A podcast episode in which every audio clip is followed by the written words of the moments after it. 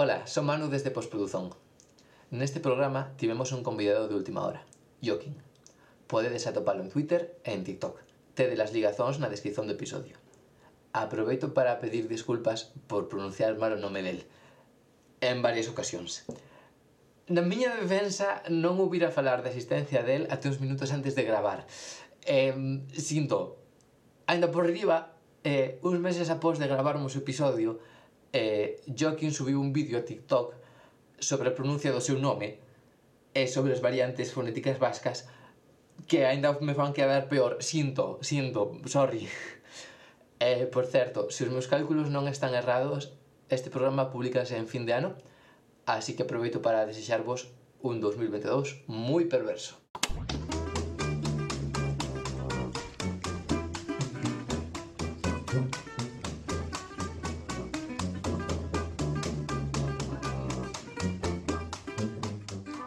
Benvides unha semana máis a Conversas Perversas. Nesta entrega vamos falar da nosa experiencia co jalejo.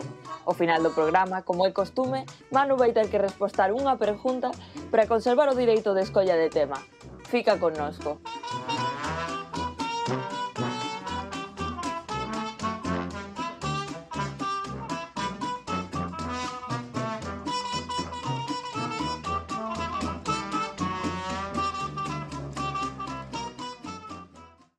como xa escuitaste, se supoño que xa vos decataríades na intro, hoxe estou a falar un jalejo un pouco diferente. Un jalejo con geada, con xeseo explosivo, da zona de Marín, onde eu vivo. E que moitas veces, cando falamos, estamos a falar un jalejo máis estándar. Eu neste programa vou tentar falar o jalejo da zona onde vivo, da zona de onde é gran parte da miña familia. Entón, a pesar de ser eu neofalante, e un pouco tamén vamos falar disto, eu hoxe vou reivindicar o jalejo de aquí. E, Manu, contanos un pouco de que vai ir este programa e que é isto de ser neofalante, se somos neofalantes ou non, porque é un tema que dá para bastante. pois, primeiro, eh, pedirvos disculpas porque eu non vou non vou usar as miñas trazas dialectais, ainda que se cadra debería, Abrimos discusión no Twitter. Eu por agora sou tentar empregar neste programa Geada ese SEO, porque xa me é difícil. Eu, eu se Twitter me castiga con, con falalo, igual tamén tento de facelo con capituliño. Castijar, castijar. Sí. é que, a ver, vamos, imos por partes, non? A cousa é, nós non somos falantes de galego materno, é dicir, nosa, na nosa familia cando, cando nos eh, cando medramos eh, non nos falaron en galego os nosos pais pero tampouco vivimos nunha burbulla, é dicir, nos escoitamos galego e eh, falábamos algo de galego na escola. Ás veces é difícil, en Pontevedra é un pouco difícil. É, é mesmo difícil, pero quero, quero dicir, eu son de Pontevedra Vila, non Pontevedra Cidade, Claro, destrucción de Pontevedra, Vila, pero... La de beber a quen pasa. Pero eu eh, son de Pontevedra Vila dunha xeración. Miña miña nai, bueno, non vou entrar a miña nai, miña nai eh, é de Madrid, pero a súa abuela é de súa boa, en galego. Non, non imos comezar, xa empezamos co debate do, do se e sí. ajeada, agora abrimos o de avó abuela, Sí. Isto é como un capítulo sí. moi especial para... Eu teño que, teño que dicir que sí que é certo que mm, eh, eh, por, debería decir a vos, pero pero eh, unha persoa que teño moi grande estima que é María Campos, ten unha canción que se chama Miña abuela Manuela. Así que síntome... sinto que teño certo permiso para usar ese termo. Agora, vou ao que vou. Teño unha familia que é da zona de Ponte, da comarca de Pontevedra, Morrazo, máis da máis do rural. Morraso. Morraso, do Morraso. Plan, teño, primeiro, teño conexións coa lingua galega dende cativo, ainda que non foresen tan, tan fortes como eu gostaría. Entón, imos abrir un tema de debate e imos tamén comentar o que pois indagamos, o que pesquisamos e o que atopamos sobre o termo neofalante? Eu penso que é como case o máis interesante para comezar, porque é un termo que moitas veces nos ensinan nas escolas, eh, cando estudamos sociolingüística e eh, cousas así, mas nunca nos cuestionamos moito para que o emprejamos realmente.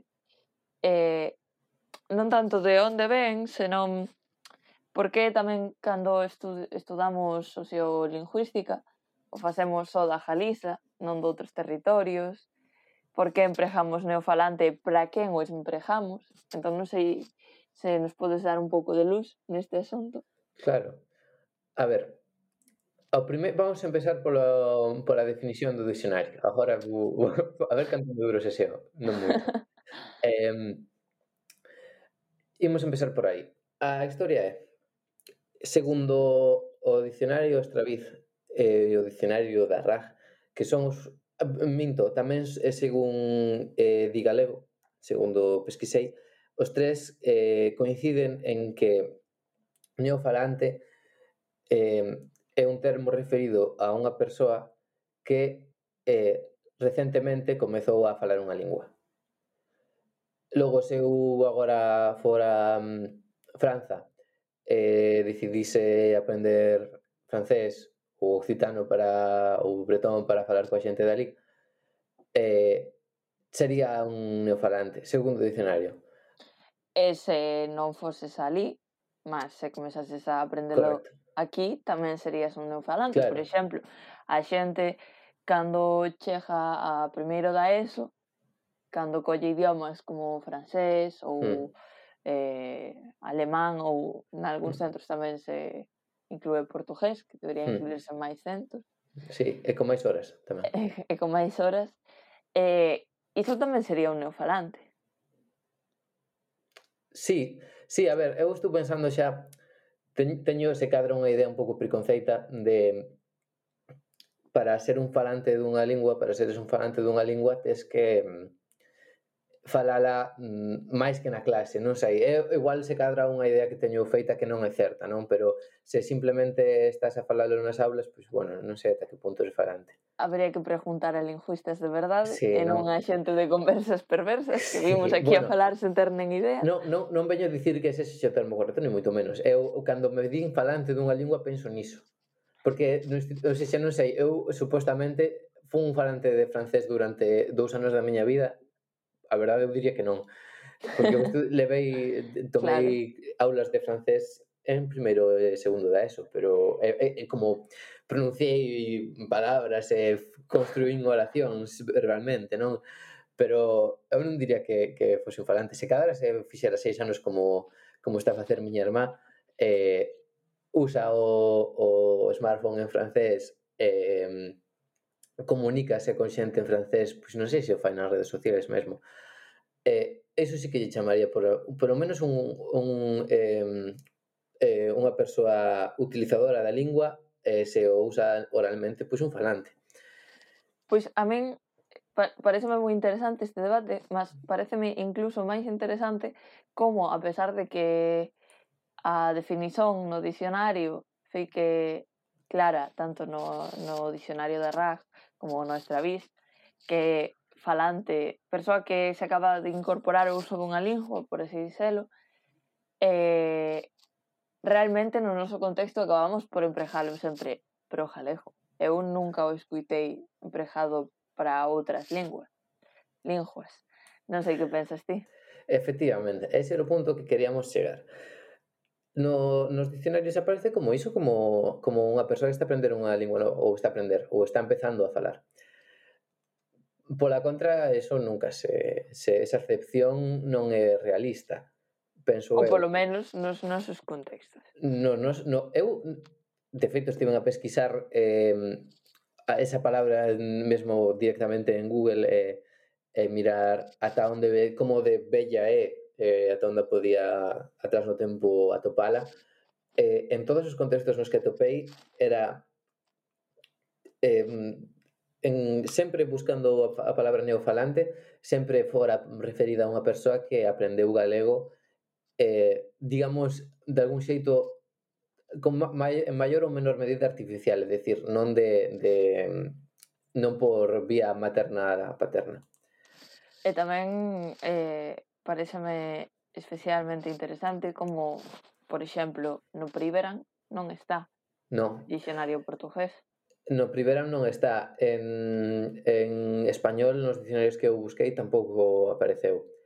Sí que apareceu buscando o, a, a mm, transliteración neohablante para castelán, atopei eh, usos desa palabra na prensa e na, na, na academia e referidos non necesariamente ao caso galego, pero sí, especialmente dentro do territorio español, referidos a falantes de linguas minorizadas que efectivamente o aprenderon de algún xeito ou outro non por vía eh, materna. Logo, a cousa é como é que a definición de neofalante aparece dese xeito no dicionario cando na realidade ninguén a usa dese xeito e ten outra definición relativamente clara que sí é usada. A cousa é que tamén perjuntamos a un falante dunha outra lingua, lingua minorizada, que é o euskera, que é un falante que moites de vos xa coñeceredes e vamos poñer tamén un pouco a súa non opinión, senón que nos contou sobre o contexto do euskera, porque nos parece moi interesante, ao ser tamén unha lingua minorizada, no seu territorio, pois saber a súa a súa visón sobre este termo e como se dá ali. Eh, esta persoa, antes de poñelo no dicer, é Joaquín, un rapaz deixaremos as súas redes cando subamos o, o podcast tamén para que poidades seguilo, que é un amor. É un rapaz de Euskadi que empezou a aprender jalejo porque a súa familia tiña raíces na Galiza, mas xa non falaban o galego. E cando aprendeu o galego, de facto, leva un ano e va desnotar que o fala genial e flipante, e decidiu aprender que algo que tamén nos parece moi interesante, a variedade da, que, da, zona, da zona que proviña a súa familia. Entón, fala un galego con geada, con seseo implosivo, con formas como Cantén, no canto de Cantei. E, se non lembro mal, a súa familia era dunha zona próxima a Ponteareas. Entón, vamos escoitar o audio do Joaquín. Nós en Euskera non temos palabras para falar de neofalantes ou de palofalantes en xeral. Nós temos palabras para falar do noso, do Euskera temos Euskaldun Berri, que é neofalante do euskera, e Euskaldun Zar, que é, neofa, é paleofalante do euskera. E non temos para ningunha outra lingua nen, en xeral, aínda que poderíase dicer de alguna maneira.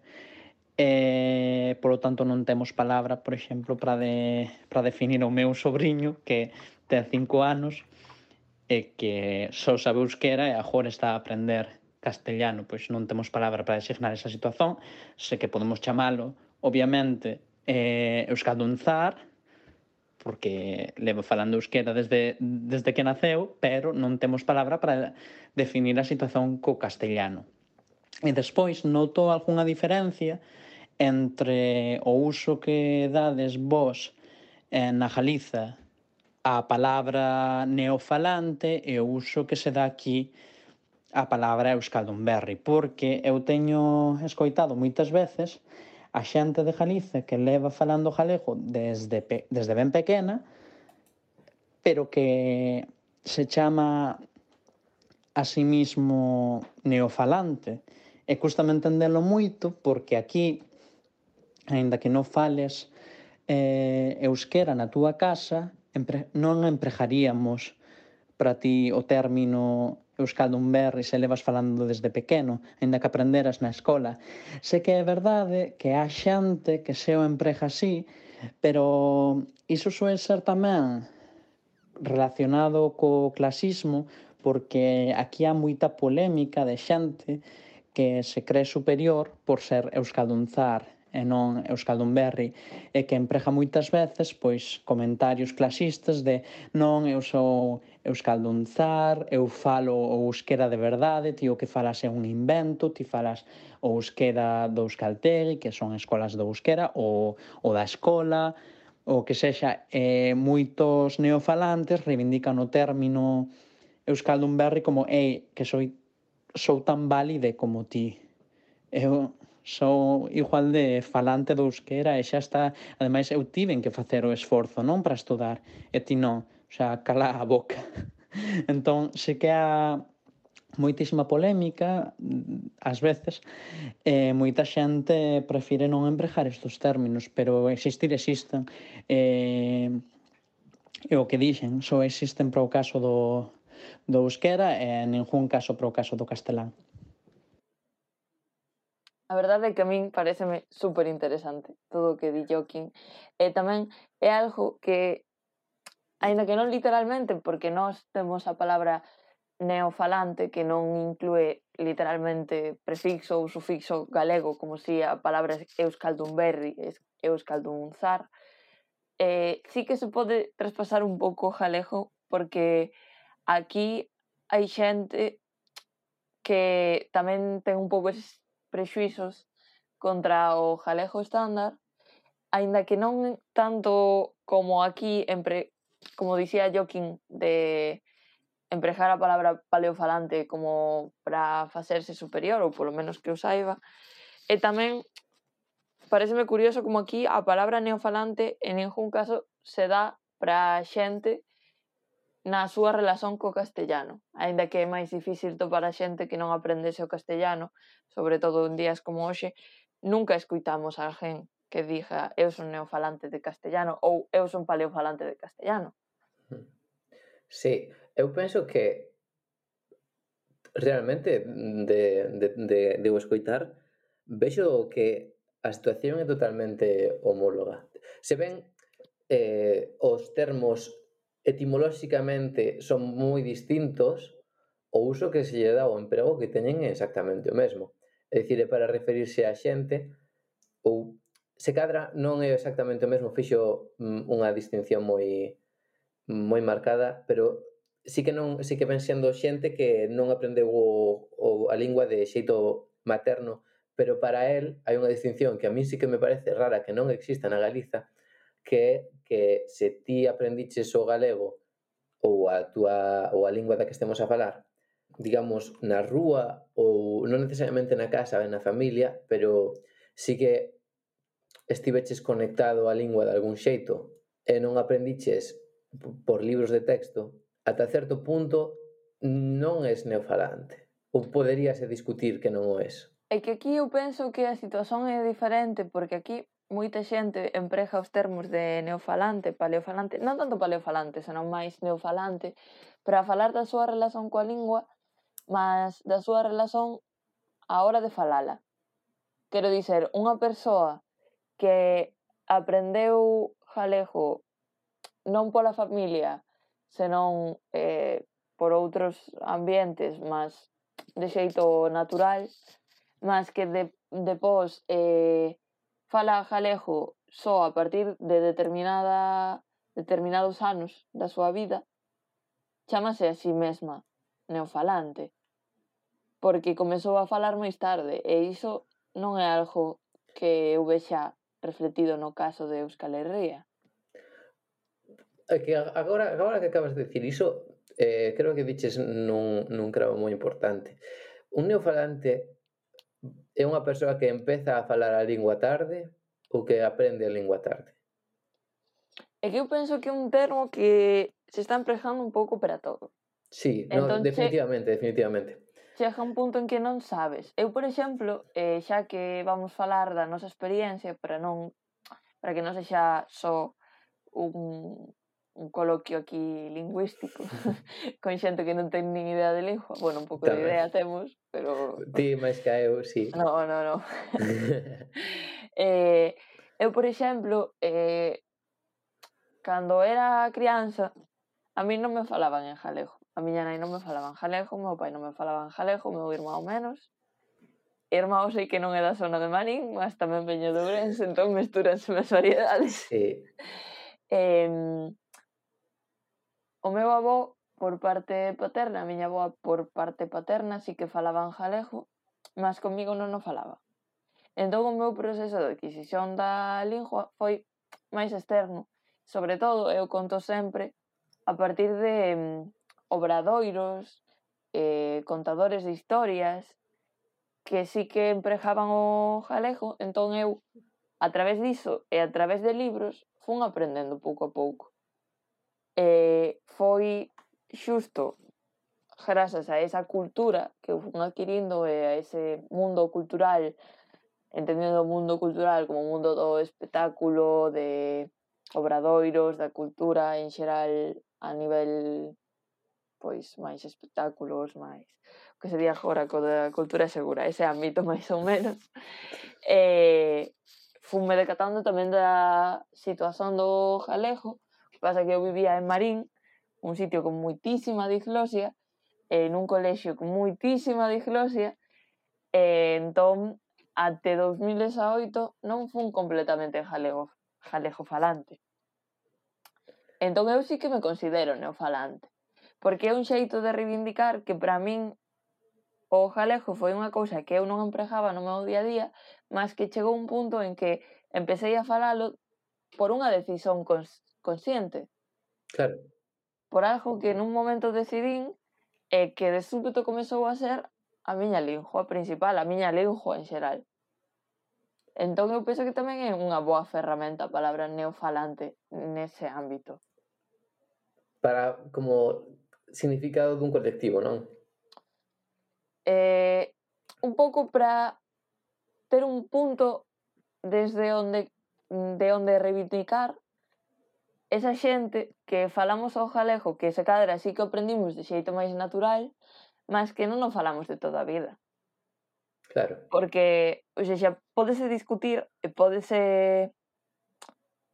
pois, por exemplo, poñer unha palabra diferente para esa xente que sí que o coñecemos de antes, mas que non o falamos completamente ata máis tarde, mas é certo que ten que haber como un punto de unión para referirse a esa experiencia tan colectiva no caso da Galiza e eh, un pouco tamén para reivindicar porque se tes unha mm. palabra para reivindicalo máis xente claro. se unirá a facer iso. Entendo. Pero sí que, claro é dicir, a tope co que estás a dicir ou seja, totalmente.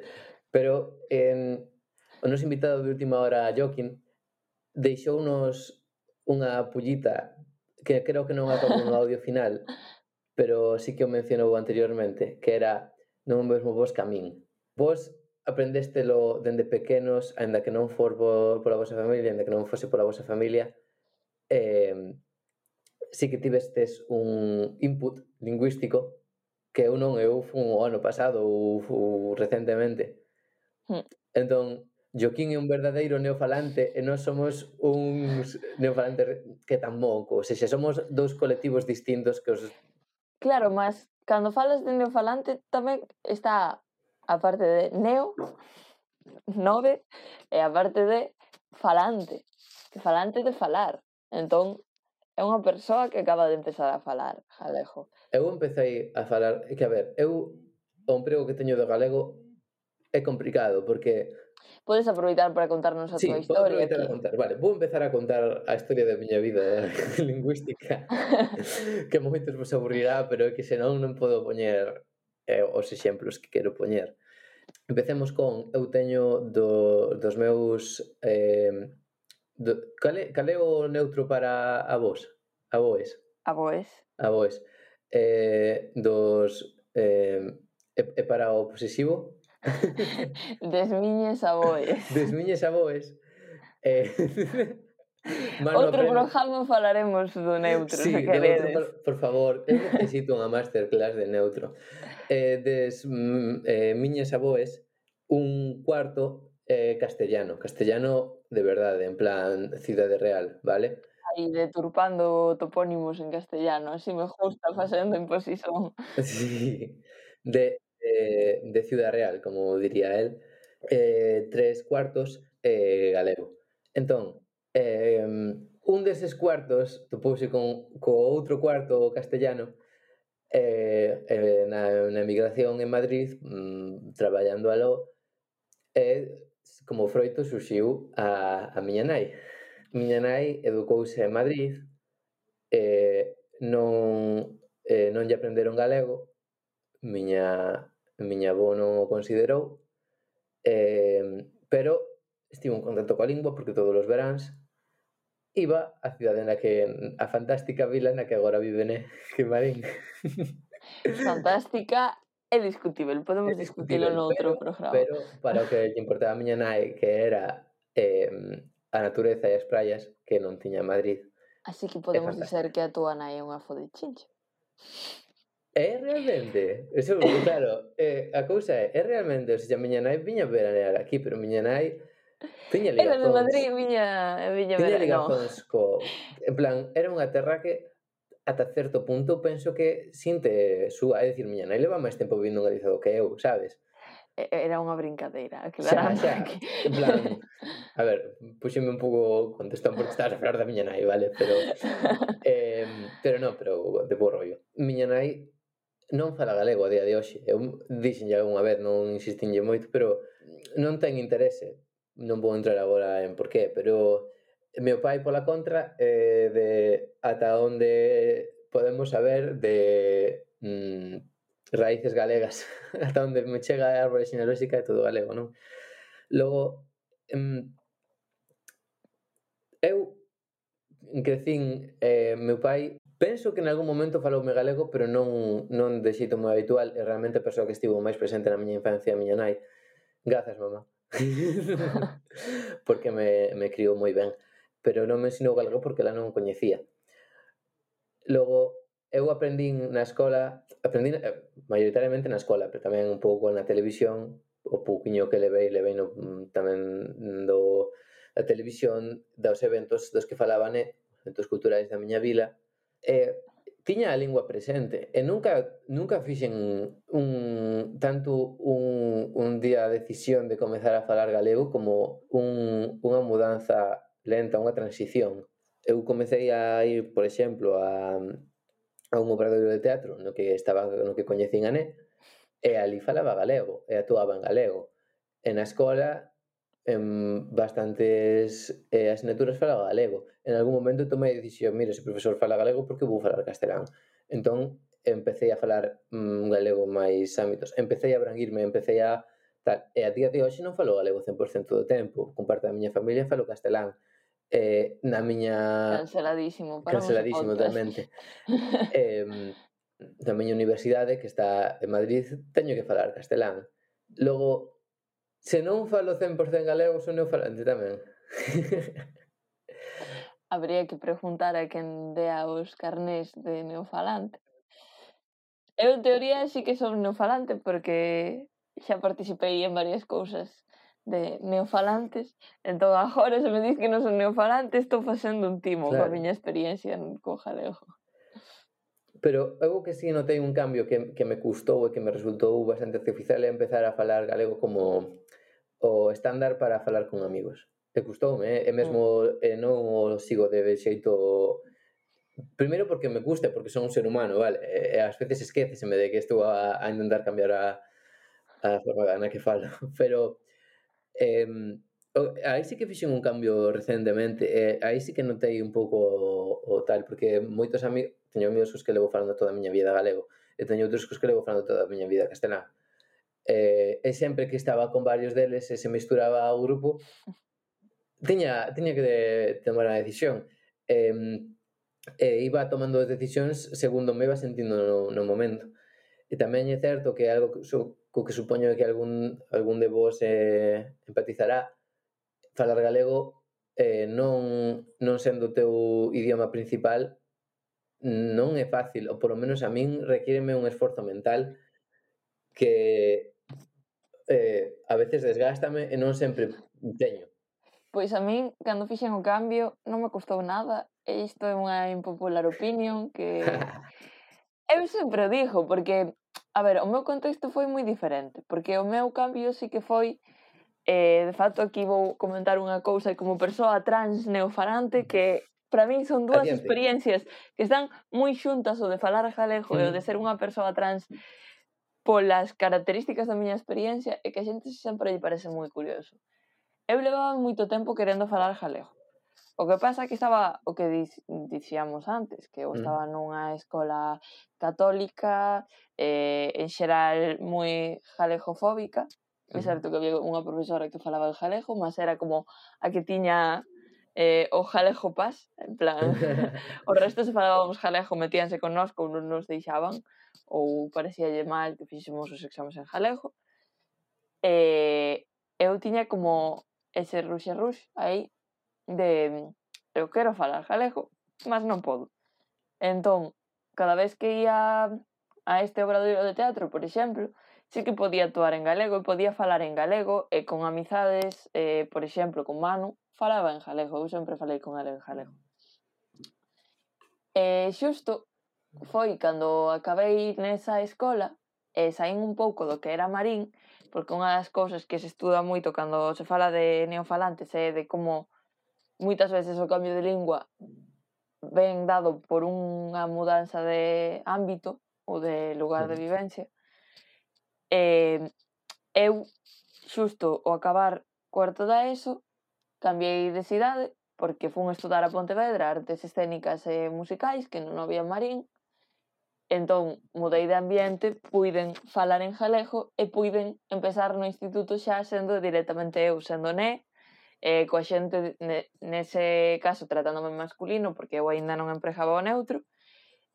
E para min empezar a falar galego foi como un, unha cousa máis do, da parte do cambio de vida, de por fin ser eu realmente.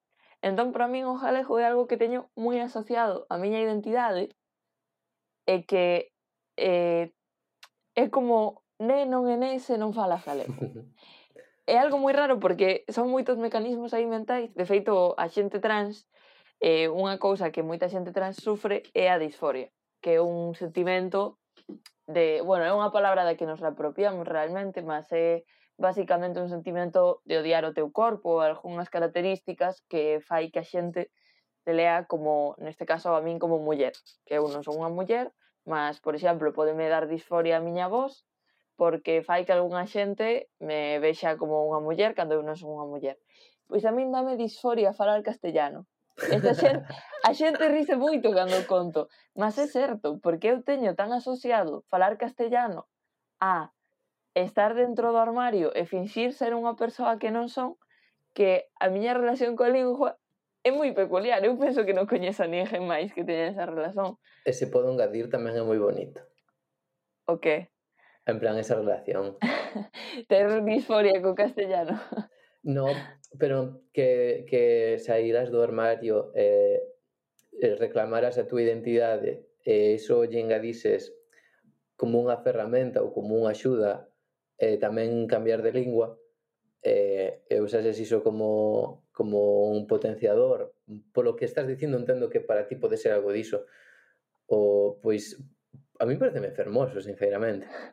A ver, para mí foi simplemente como un símbolo de estou comenzando a viver como eu quero ser. Eu quero falar jalejo, eu quero chamar Bené, eu quero ser así, eh, e agora que cambio de cidade vou cambiar todo iso. Entón, eu noto, faiseme super raro falar castellano por iso e eh, ata me dá disforia porque me lembra todo iso. Entendo. Claro, é que isto, estou vendo algo que non vira antes que é un contraste total entre a nosa experiencia. Mesmo que eu pensaba que teñamos unha experiencia moi similar, pero realmente é moi distinta. Para min foi algo de eh, ir aos pouquiños facendo máis esforciños, dicindo eh, vou falar con meu pai galego. Eh, empecéi varios intentos fallidos e a día de hoxe falo galego con meu pai 100%, salvo que algunha excepción que estemos falando en castelán. Sabes? É dicir, E logo tamén o que vexo que a non lle pasa que a min requiere -me esforzo mental cambiar de idioma, requiere -me esforzo mental eh, mm, falar galego todo o día. E, e de feito teño que dicir, non sei se a alguén lle pasou, pero en, en sonos, dormindo e, e soñando, ás veces falo galego, pero pouco e arrastro. É, en é soños falo, galego. Podemos chamar así o podcast de hoxe. Eh. en soños falo, galego. é, é dicir, recordo eh, recentemente eh, falar ter a idea nun soño de que tiña que falar galego porque non sei, non sei se estaba relacionado co podcast ou con algo semellante, non de algunha algunha cousa nas que estaba a falar con xente que falando galego, eu tamén, e de estar a facer o esforzo. E recordo que recordo o esforzo que estaba a facer no soño é que mm, no soño había incoherencias porque deixaba de falar galego ou empezaba a falalo a partir da nada. Logo em, tamén tamén os meus deces a, a Tine e a Joaquín por teres esa por terdes esa facilidade para aprender unha lingua, non para aprendela, pero para falala e, e, e tan ben, porque eu eh, mal e arrastro eh, a día de hoxe, e con unha transición máis longa e, e, ainda, e peor resultado. Teño que confesar algo que a ti xa che confesei hai pouco. Mas eu poucas veces fico coa primeira impresión que me dá a xente mas con Manu teña moi clara na miña cabeza, porque sí que é certo que nós íamos a teatro con xente de Mijallas, un grupo de teatro que fai moita, sí. moito traballo pola lingua. É que, que moito. Sí, temos que falar en algún programa. Sí, e o Obradoiro nos que nos coñecemos eh, di o nome porque antes estábamos mencionando como o oh, Obradoiro, en plan, quedaba moi místico, pero o Obradoiro chamase a procura do tesouro eh, se tedes eh, crianzas eh, que queran De até eh, desaoito anos, sí. crianzas de até desaoito anos. Sí. Que, que que irán meterse no teatro ou que non queiran, pero que irades deixalas unha hora en supervisión do outro adulto. Que feo. podedes, podedes apuntar a sobra doiro. Sí, a ver, agora mesmo non estaban por culpa da pandemia, mas a ver se volven sí. este ano no Paso da Cultura Correcto. de Pontevedra. A cousa é que eh, nese obradoiro, en teoría, sempre se fan as obras de teatro finais en Jalejo. E, aparte, son improvisadas. Entón está uh -huh. genial como ferramenta para facer falar as crianças en Jalejo, porque teñen que improvisar en Jalejo, non, non sí. basta con memorizar aí unhas sí. palabras, non, hai que improvisar en Jalejo e saber mm. falar uh -huh. en Jalejo. E a cousa é que había xente, obviamente, a que lle custaba. Eu viña dun Eu ambiente... Custaba moitísimo. Bueno, cuestionables. Eu viña dun ambiente de marín en que ninguén me falaba galego. Isto foi en 2015. Ninguén me falaba galego. Eu non escuitaba galego no meu eh, día a día, e cada vez que escuitaba alguén era, por exemplo, nas aulas de galego a xente que non sabía formar ningunha frase. Entón eu cheguei aí ao e eh, coñecín a mano e el facendo unha improvisación ou cousas así, falaba en jalego, e a min pareceume que Manu falaba un jalego súper complicado e súper ben feitiño, en plan súper normativo, porque emprejala palabras así que eu aprender en clase, sabes? sí. Entón, para min foi a primeira impresión de mano. E agora, despois de seis anos, estamos facendo un podcast sobre a nosa experiencia coa lingua e sí. un pouco todo. Pero eu, é que claro, eu de, debichesme de pillar no 2015 eh, nunha etapa na que levaba creo que dous cursos indo a ese mesmo obradoiro eh, aprendendo a falar galego mesmo ali, únicamente ou non únicamente, pero un, unha das zonas onde que máis potenciou eh, o uso da, o emprego do galego foi, foi obra do da Procura do Tesouro. Eh, ademais, recordo como algo moi positivo, porque era un sitio onde eh, María, nosa profesora, María Campos, fantasía de muller, eh, eh, puxounos a falar, pero tampouco nos dicía, cando dicíamos unha palabra que non é en galego ou usábamos mal algunha cousa, non dicía nada. Eh, algún, algunha xente dirá que iso é malo, pero penso que para uns rapaces que eh, rapazas que están a, a aprender unha lingua que non falan na casa e que apenas falan na escola, está moi ben, porque é un lugar de liberación, xa non só lingüísticamente, senón en xeral era un sitio de expresión persoal e de liberación eh, mental que, de feito, que eu deixei de ir por mor de estar en Madrid estudando eh, noto a falta eh, na miña vida de dos benres ir, ir aló. Mira, outra outra relación entre o jalejo e a miña identidade. Para mí, Mijallas foi o lugar onde onde falar galego e practicalo é un sitio onde realmente podía falar galego sen ningún problema e tamén foi o lugar onde explorar a miña identidade a través do teatro. Está todo conectado. O galego e a xente trans. Por suposto. É que, bueno, non, antes vou rematar dicindo que, que o Obradoiro da Percura do Tesouro foi ese espazo de liberación, de liberación e de expresión persoal eh, que de non ser por, por a Procura do Tesouro eu hoxe en día probablemente, moi probablemente non falaría galego ou non na dimensión na que eu falo agora. Porque foi ese esa capacidade de, de, de expresar e de facer contido, de facer conteúdo en galego e vivir, ter un aspecto da túa vida que fose en galego, eh, aportou moitísimo. Eh, se ampliou a miña zona de confort. Eu penso que tamén, porque ademais, alén da procura do tesouro, tamén estaban uh, os espectáculos que facía Mijallas, os mm. contacontos, mm, que totalmente. era un pouco todo que facía que realmente chegásemos ao jalejo e os discos con música infantil que era unha fantasía. Si xa en galego Teño que dicir que eu tamén é dicir, grazas a música de migallas e as, eh, os eventos de, mm, de migallas empecé co galego antes mesmo do Obradoiro. Sí, é que iso ia dicer e ti, despois de, de falar todo isto de pos, de pose como din Marín ou polo menos como di meu avó, que consta que me está a custar esforzo mental, non sei se se está a notar, falar con geada e con seseo. Sufre, iso pasou moitos días da miña vida. eh, de, depois de contar todo isto, tú consideraste a ti mesme a ti mesmo xa non sei nin o que falo eh, neofalante Pois, depois de todo isto, eu penso que estou máis preto de considerarme neofalante do que antes. Pero sí que é verdade que me custa verme... Sempre me, me, me rozou un pouco o termo porque...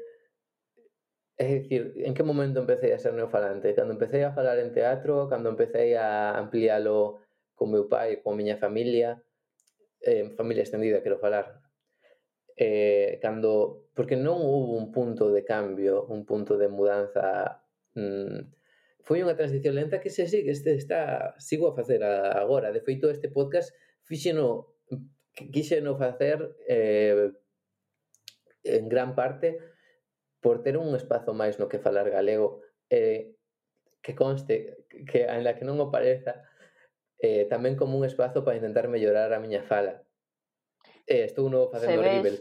as corresóns que me fai o Yog, yoga Mil, sí. segui, seguideo no Twitter, a Mil Gueseta, eh, tamén en galego, os meus textos eh, literarios que os corrixe el, flipas, porque ás veces están ata arriba de vermello, ou seja, a min custame moitísimo falar galego, en verdade, porque falo moitas cousas que non están ben, que son castellanismos, xa. e nin sequera se te Pois, pois eu teño a sensación de que por cada, por cada, por cada castellanismo que fastí eu fixen cinco. Non sei, habría que revisar. Eh, eh, eh non só castellanismos, ma, quero dicir, eh, malas colocacións do pronome, mm, eh, empregar mal algunha definición ou cousiñas que, que claro. eu sei como se fai, pero non o fago ben. Mas polo menos estamos a falar galego que xa é un paso. E ti eh, tamén por falar algo do que non falamos durante moito durante o podcast. Mm. Ti ves isa, esa crítica que isa, ves? Xa me vou jalejo de Ourense de novo. Esa crítica que se fai moitas veces a xente paleofalante de mm, como se meten co, co jalejo máis estándar como o jalejo de laboratorio. Tú percibiche iso? Ah, percibino, por suposto que sí. Que, que, que a xente os falantes de galego de toda a vida por chamalos dunha forma, porque termo pole falando me parece como moi académico. Pero a xente que leva falando toda a vida galego, todo o mundo ten algunha queixa, pode ser moi grande, moi pequena, co, co galego estándar. E tamén, isto tamén non o pesquisei hoxe, pero teño feedback de que é algo que, bueno, tivemos feedback de de Joaquín, que é algo que se estende a todas as linguas de estandarización recente. Hmm. A ver, ao final, unha variedade estándar é un produto inventado. Sí, por suposto. Eh, eh, eh, bueno, conti, continúa, eu teño moitísimas cousas que contar sobre isto. Podemos facer outro podcast Sí, sí, sobre para o lo contas galego estándar. Era simplemente por saber se ti viviras esa experiencia de que a gente dixese no, isto non é jalejo, que falas ti non é jalejo. Meu pai, mesmamente. Meu pai, o termo grazas, leva horrible, eh? Que é algo bastante di, extendido. Gracias. El, el di eh, graciñas ou... A ver, meu pai dio que lle pete no momento, porque meu pai non é unha persoa que coida a súa lingua moito. Coidona cando intentou sacar un un celga, non me acordo cal, para, para mm, para dar escolas taller, pero se para obter un, un posto de traballo, e aí supoño que tivo que cuidar o seu galego por primeira vez dende a escola se cadra, porque non sei cando estudou el se se, se cuidou a súa lingua se cadra na xeve. Logo, eh, teño escoitado polo, polo que me teñen comentado que en moitas linguas isto é mm, superpresente, que do batúa eh, Joaquín, Eh, eu teño escoitado que mm, teño escoitado de parte da miña compañeira que quero moitísimo, con miña compañeira Carmen de piso ali en Madrid, que está a estudar lingüística e que coñece con bastante eh, naturalidade a realidade do romanche que, que ten algo de interese por ela eh, eh, se non coñecedes é unha lingua que se fala en algunhas partes de Suiza. É unha lingua que pois como todas ten eh, moitas variedades eh, dialectais e existe unha normativa común a toda a xeografía romanche, toda a fala romanche. É, é extremadamente impopular ata tal punto de que non se usa. Ten un uso super limitado porque as escolas que son o sistema... Non coñezo moito da política suiza, pero sei que é un país cantonalista e sei que os cantóns teñen e de, toman decisión sobre a escolarización da xente. E o idioma no que se dan as clases é unha decisión totalmente do, dependente do, do cantón ata onde eu chego. Logo, eh, cada cantón eh, acabou por normalizar a súa variedade dialectal do romanche e eh, dar as clases na súa variedade. Entón, eu pregúntome se cada, se cada mm, Concello de Galicia tivese ese poder se sí, cantas normativas do galego habería. É que tamén aí entramos nun, nun debate que tamén serve para outro podcast porque xa estamos sí. a quedar sen tempo. Estamos a quedar sen tempo, pero... A geada e o xeseo forman sí. parte do estándar. Por exemplo. A, a ver, segundo a RAG, supostamente Porque cando falo de estándar estou pensando a nivel oficial, non? Entón, segundo a RAG, é, un, é unha forma de fonética válida. Claro, por iso, eh, máis ben que eh, pois, pues, validade no estándar, senón sí. eh, mm, da normativa. Porque temos esta mentalidade de que, por exemplo, vemos escrito G-A-T-O e xa lemos gato se estamos a falar en normativa. Mas iso é porque temos unha concepción da nosa lingua moi foneticista. Hmm. Eh, de que unha letra representa sempre un fonema, cando xa vemos, por exemplo, no reintegrado, que non é así unha relación tan isto e isto, isto e isto. Entón, por exemplo, é algo que non nos decatamos que eu penso, por exemplo, que a GEADA e o SEO forman parte da normativa. Non sei até que ponto isto ten base, se cadra ven un lingüista aquí e me di, ei, claro. non todo está mal, mas son realizacións válidas do escrito. Se queres falar de estándar a hora de falar, claro. dunha variedade estándar falada, non sei se aí xa entraría en conflito.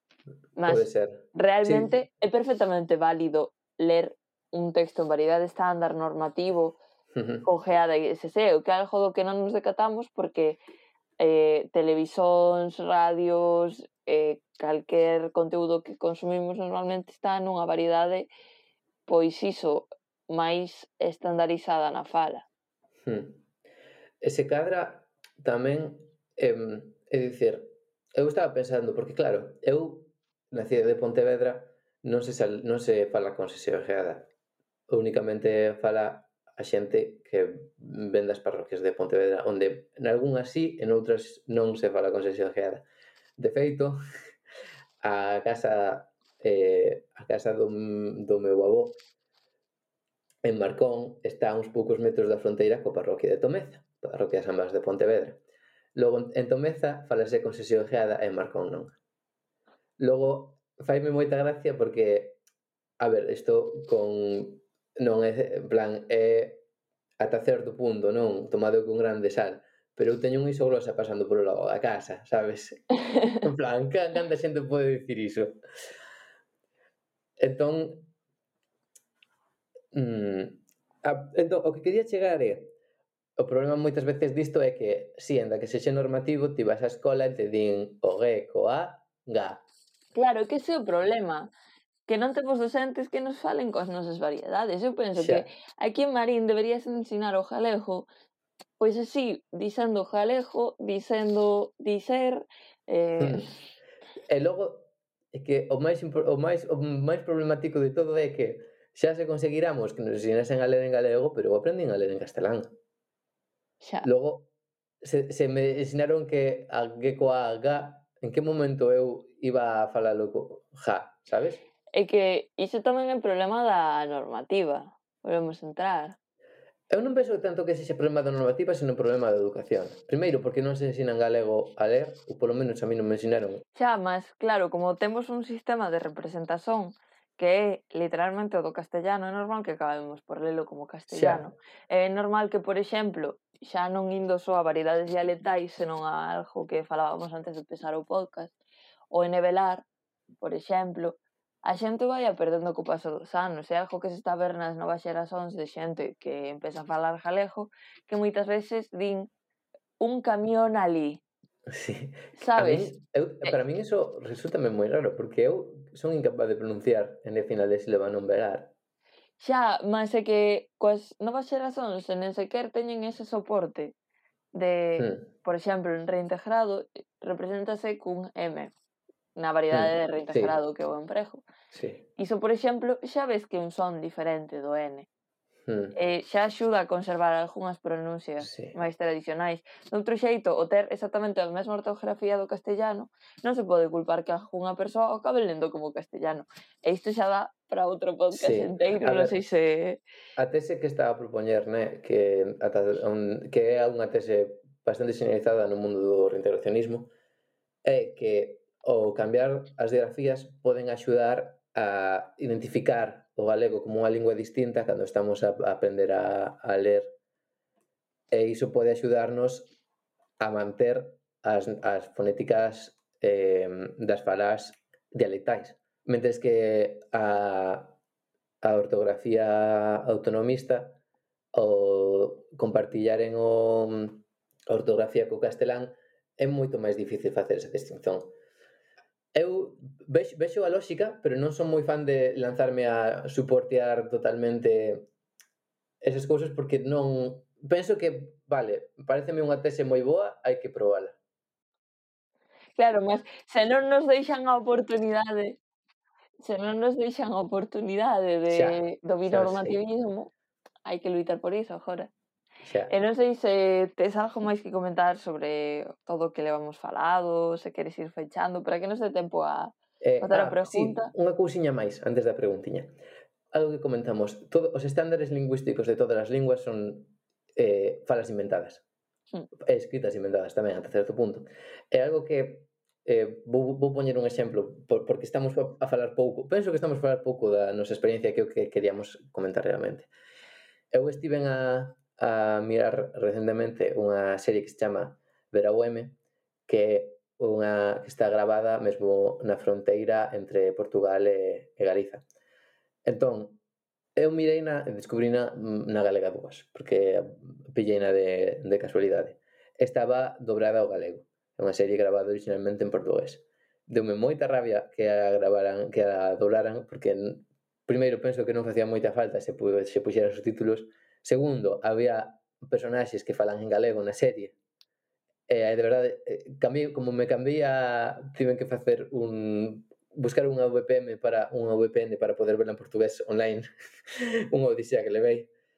Eh, e hai, hai personaxes que falan en galego, e non sei como traduciron eso ao, ao galego.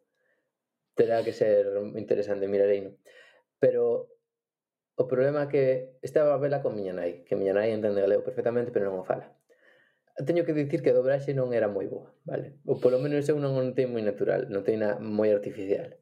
E miña nai me dixo, é que, que algo que moita xente di, é que o galego da televisión non é o galego que fala xente na rúa. A min non me importa ver unha serie en galego, de feito, vexo series en galego con miña nai, pero non me gustas que estean dobradas porque a xente fala distinto.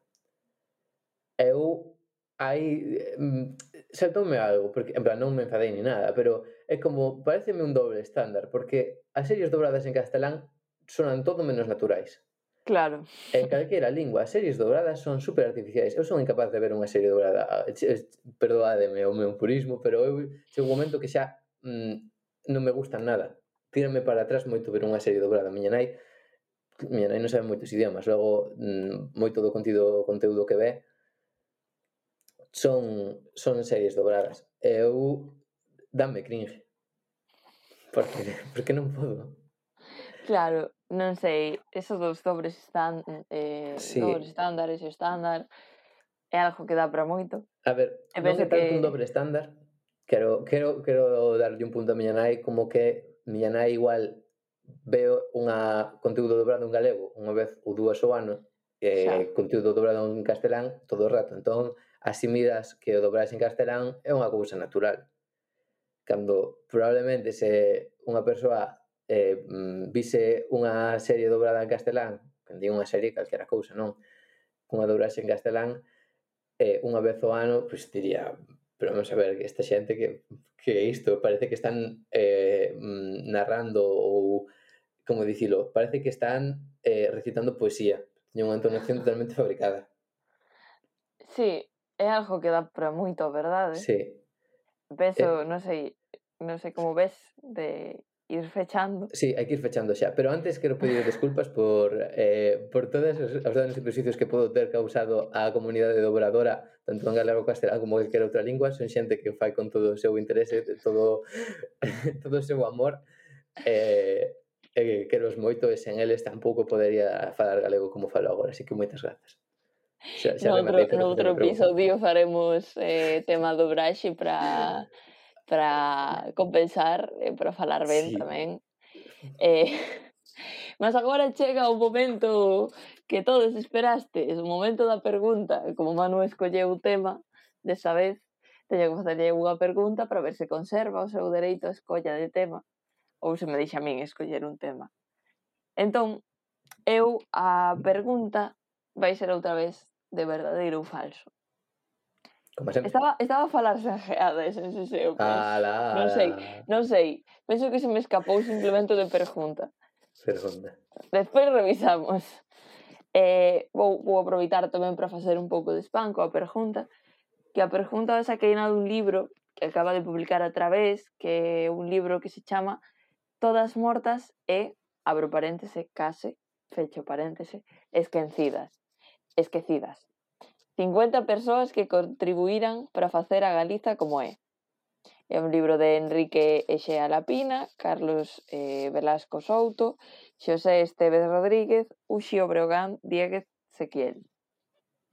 Entón, este, este libro ten moitas pequenas biografías que lees moi rápido de moitas persoas da Galiza ou que se supoñen que son da Galiza.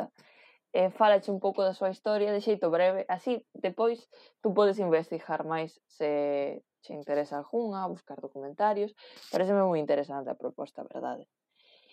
E a personaxe que non sabemos se é verdadeiro ou é falso que está neste libro, non sabemos se é verdadeiro ou falso que, que existiu, vai ter que adivinar o mano, é unha personaxe unha persoa chamada Exeria. Exeria é unha persoa que es, eh, foi unha das primeiras peregrinas da historia, que se pensa que foi galega e que no século IV, se teño ben anotado aquí, eh, escribiu unha das primeiras eh, do que se pode considerar os primeiros libros de viaxes. Oh. Porque ela o que fixo foi unha, unha peregrinación que foi basicamente a lugares de Xerusalén, por exemplo, onde uh -huh. se supuña que acontecera toda a historia de Xesús e todo isto. Uh -huh. É verdadeiro ou é falso? É falso. A ver, eu o primeiro que teño que dicir que é un melón que podemos abrir en outro episodio é se no século, dixen no século IV, do que sería o territorio que agora é Galiza naquel momento. Claro, en plan, existían galegas no século IV, tema para outros podcast. Agora, Jallaesia. Mm, claro, era galaica de, o galaico romano ou algo así. En plan, sí. é, pre, é presuevo, entón era do Imperio Romano, pero vivía na Galaecia. Entón... Para iso temos que coller o outro libro da Través que se chama A evolución histórica dos límites da Galiza. Que guai. Eh, que está feito que por Xosé Manuel Barbosa. Se queres, deixo cho. Pois pues encantaría. A Manu, non é xente que está a escoitar o podcast, que senón teño que deixar a todo o mundo. Como de gordo? É o primeiro que pregunto con libro. Son un lector pésimo. Como de gordo? Eh, estou no vendo. Estos son referencias, todo. Régulos de Coimbra, descendentes de Huitiza. É, é, é interesante, eu non o lín enteiro, mas ten moi boa pinta polo que lin, lín cachos mm. e así. Estos son todos referencias, ten algún mapa polo medio en cor, uh -huh. eh, con nomes e tal. 200 páxinas. Oh, e, e ten mapas, ainda por riba. Trae para cá. Vamos a ver, que ten mapas. Empeza por aí. Sí, a través estaba a publicar cousas moi interesantes. Non ten así mapas en plan moitísimos, mas ten bastante. Entón, que dis? Que é verdadeiro ou que falso? Existiu unha tal Exeria, que era jaleja entre aspas. Siria, me, ah, a nome grego, eh? plan, non me parece non me parece moi latino ou malaico. E, G, E con acento, R, I, A. En Pero a verdade é que podedes, ben podedes cambiar un, un, un século, podedes cambiar o nome ou podedes cambiar o sitio, igual non era galega. Pero vou dicir Ai, é que mm, vou dicir que non só porque hai moitos sitios onde podeches mm, mancillar a información. Pois é verdadeiro. Ah. É unha das primeiras mulleres da historia que se coñece que foron peregrinas e -huh. e ademais que fixeron un libro de viaxes con iso. Eu esta historia coñecina eh, xa coñecía de antes, mas aquí aprendí un pouco máis, eh, na Cidade da Cultura. Non sei exactamente en que exposición era, mas el barroquista, un rapaz que fala de historia da arte por internet mm. e así, fai guías ali e falounos dela e parece unha historia moi interesante. Podedes investigar máis, xa vos digo, se queredes no libro da través ou buscando por internet, porque é interesante. Teño que escoller eu tema, Mas como estábamos a seguir unha dinámica en que Manu non escollía ata o seguinte programa e deixaba intriga, eu... Ver, claro, intriga. Agora vou facer como tú. E así ah, a xente sí que sí que malo. ten que ir ao noso Twitter. Polo menos xa que fixe o esforzo de falar jalejo con geado e con seseo, ir ao noso Twitter, arroba c barra baixa perversas, seguídenos, iso mínimo, e despois podedes, se queredes, se eh, vos prestou, difundir este podcast ou outros que temos, tamén falamos noutros da, de cousas como a pseudociencia, cousas que lle botamos a pizza, temos un pouco de todo aí. Entón, non sei se queres dixer algo máis. Quero deixar como nota para recordarmos a próxima vez que fagamos un quiz que parece que está a ter popularidade de, de facer quiz en conversas perversas o que perda terá que mm, terá que falar na variedade dialetal do galego que lixa a Twitter. No, iso, iso parece un castigo. É un castigo mesmo. Se perdes o quiz. En plan, se ah, sacas unha puntuación moi mala. Nota para outro Pois pues hai que pedir a xente que nos diga en que variedade dialectal falamos. A ver, que eu realmente non estou falando na variedade de Marín, porque eso só estou facendo GADSS e metendo cousas de Ourense de cando en vez. Mas iso, xa levamos bastante de programa, programa, e non queremos aborrecervos máis. Entón, ata o próximo episodio de Conversas Perversas. Ata o próximo, vémonos. Chao. Chao.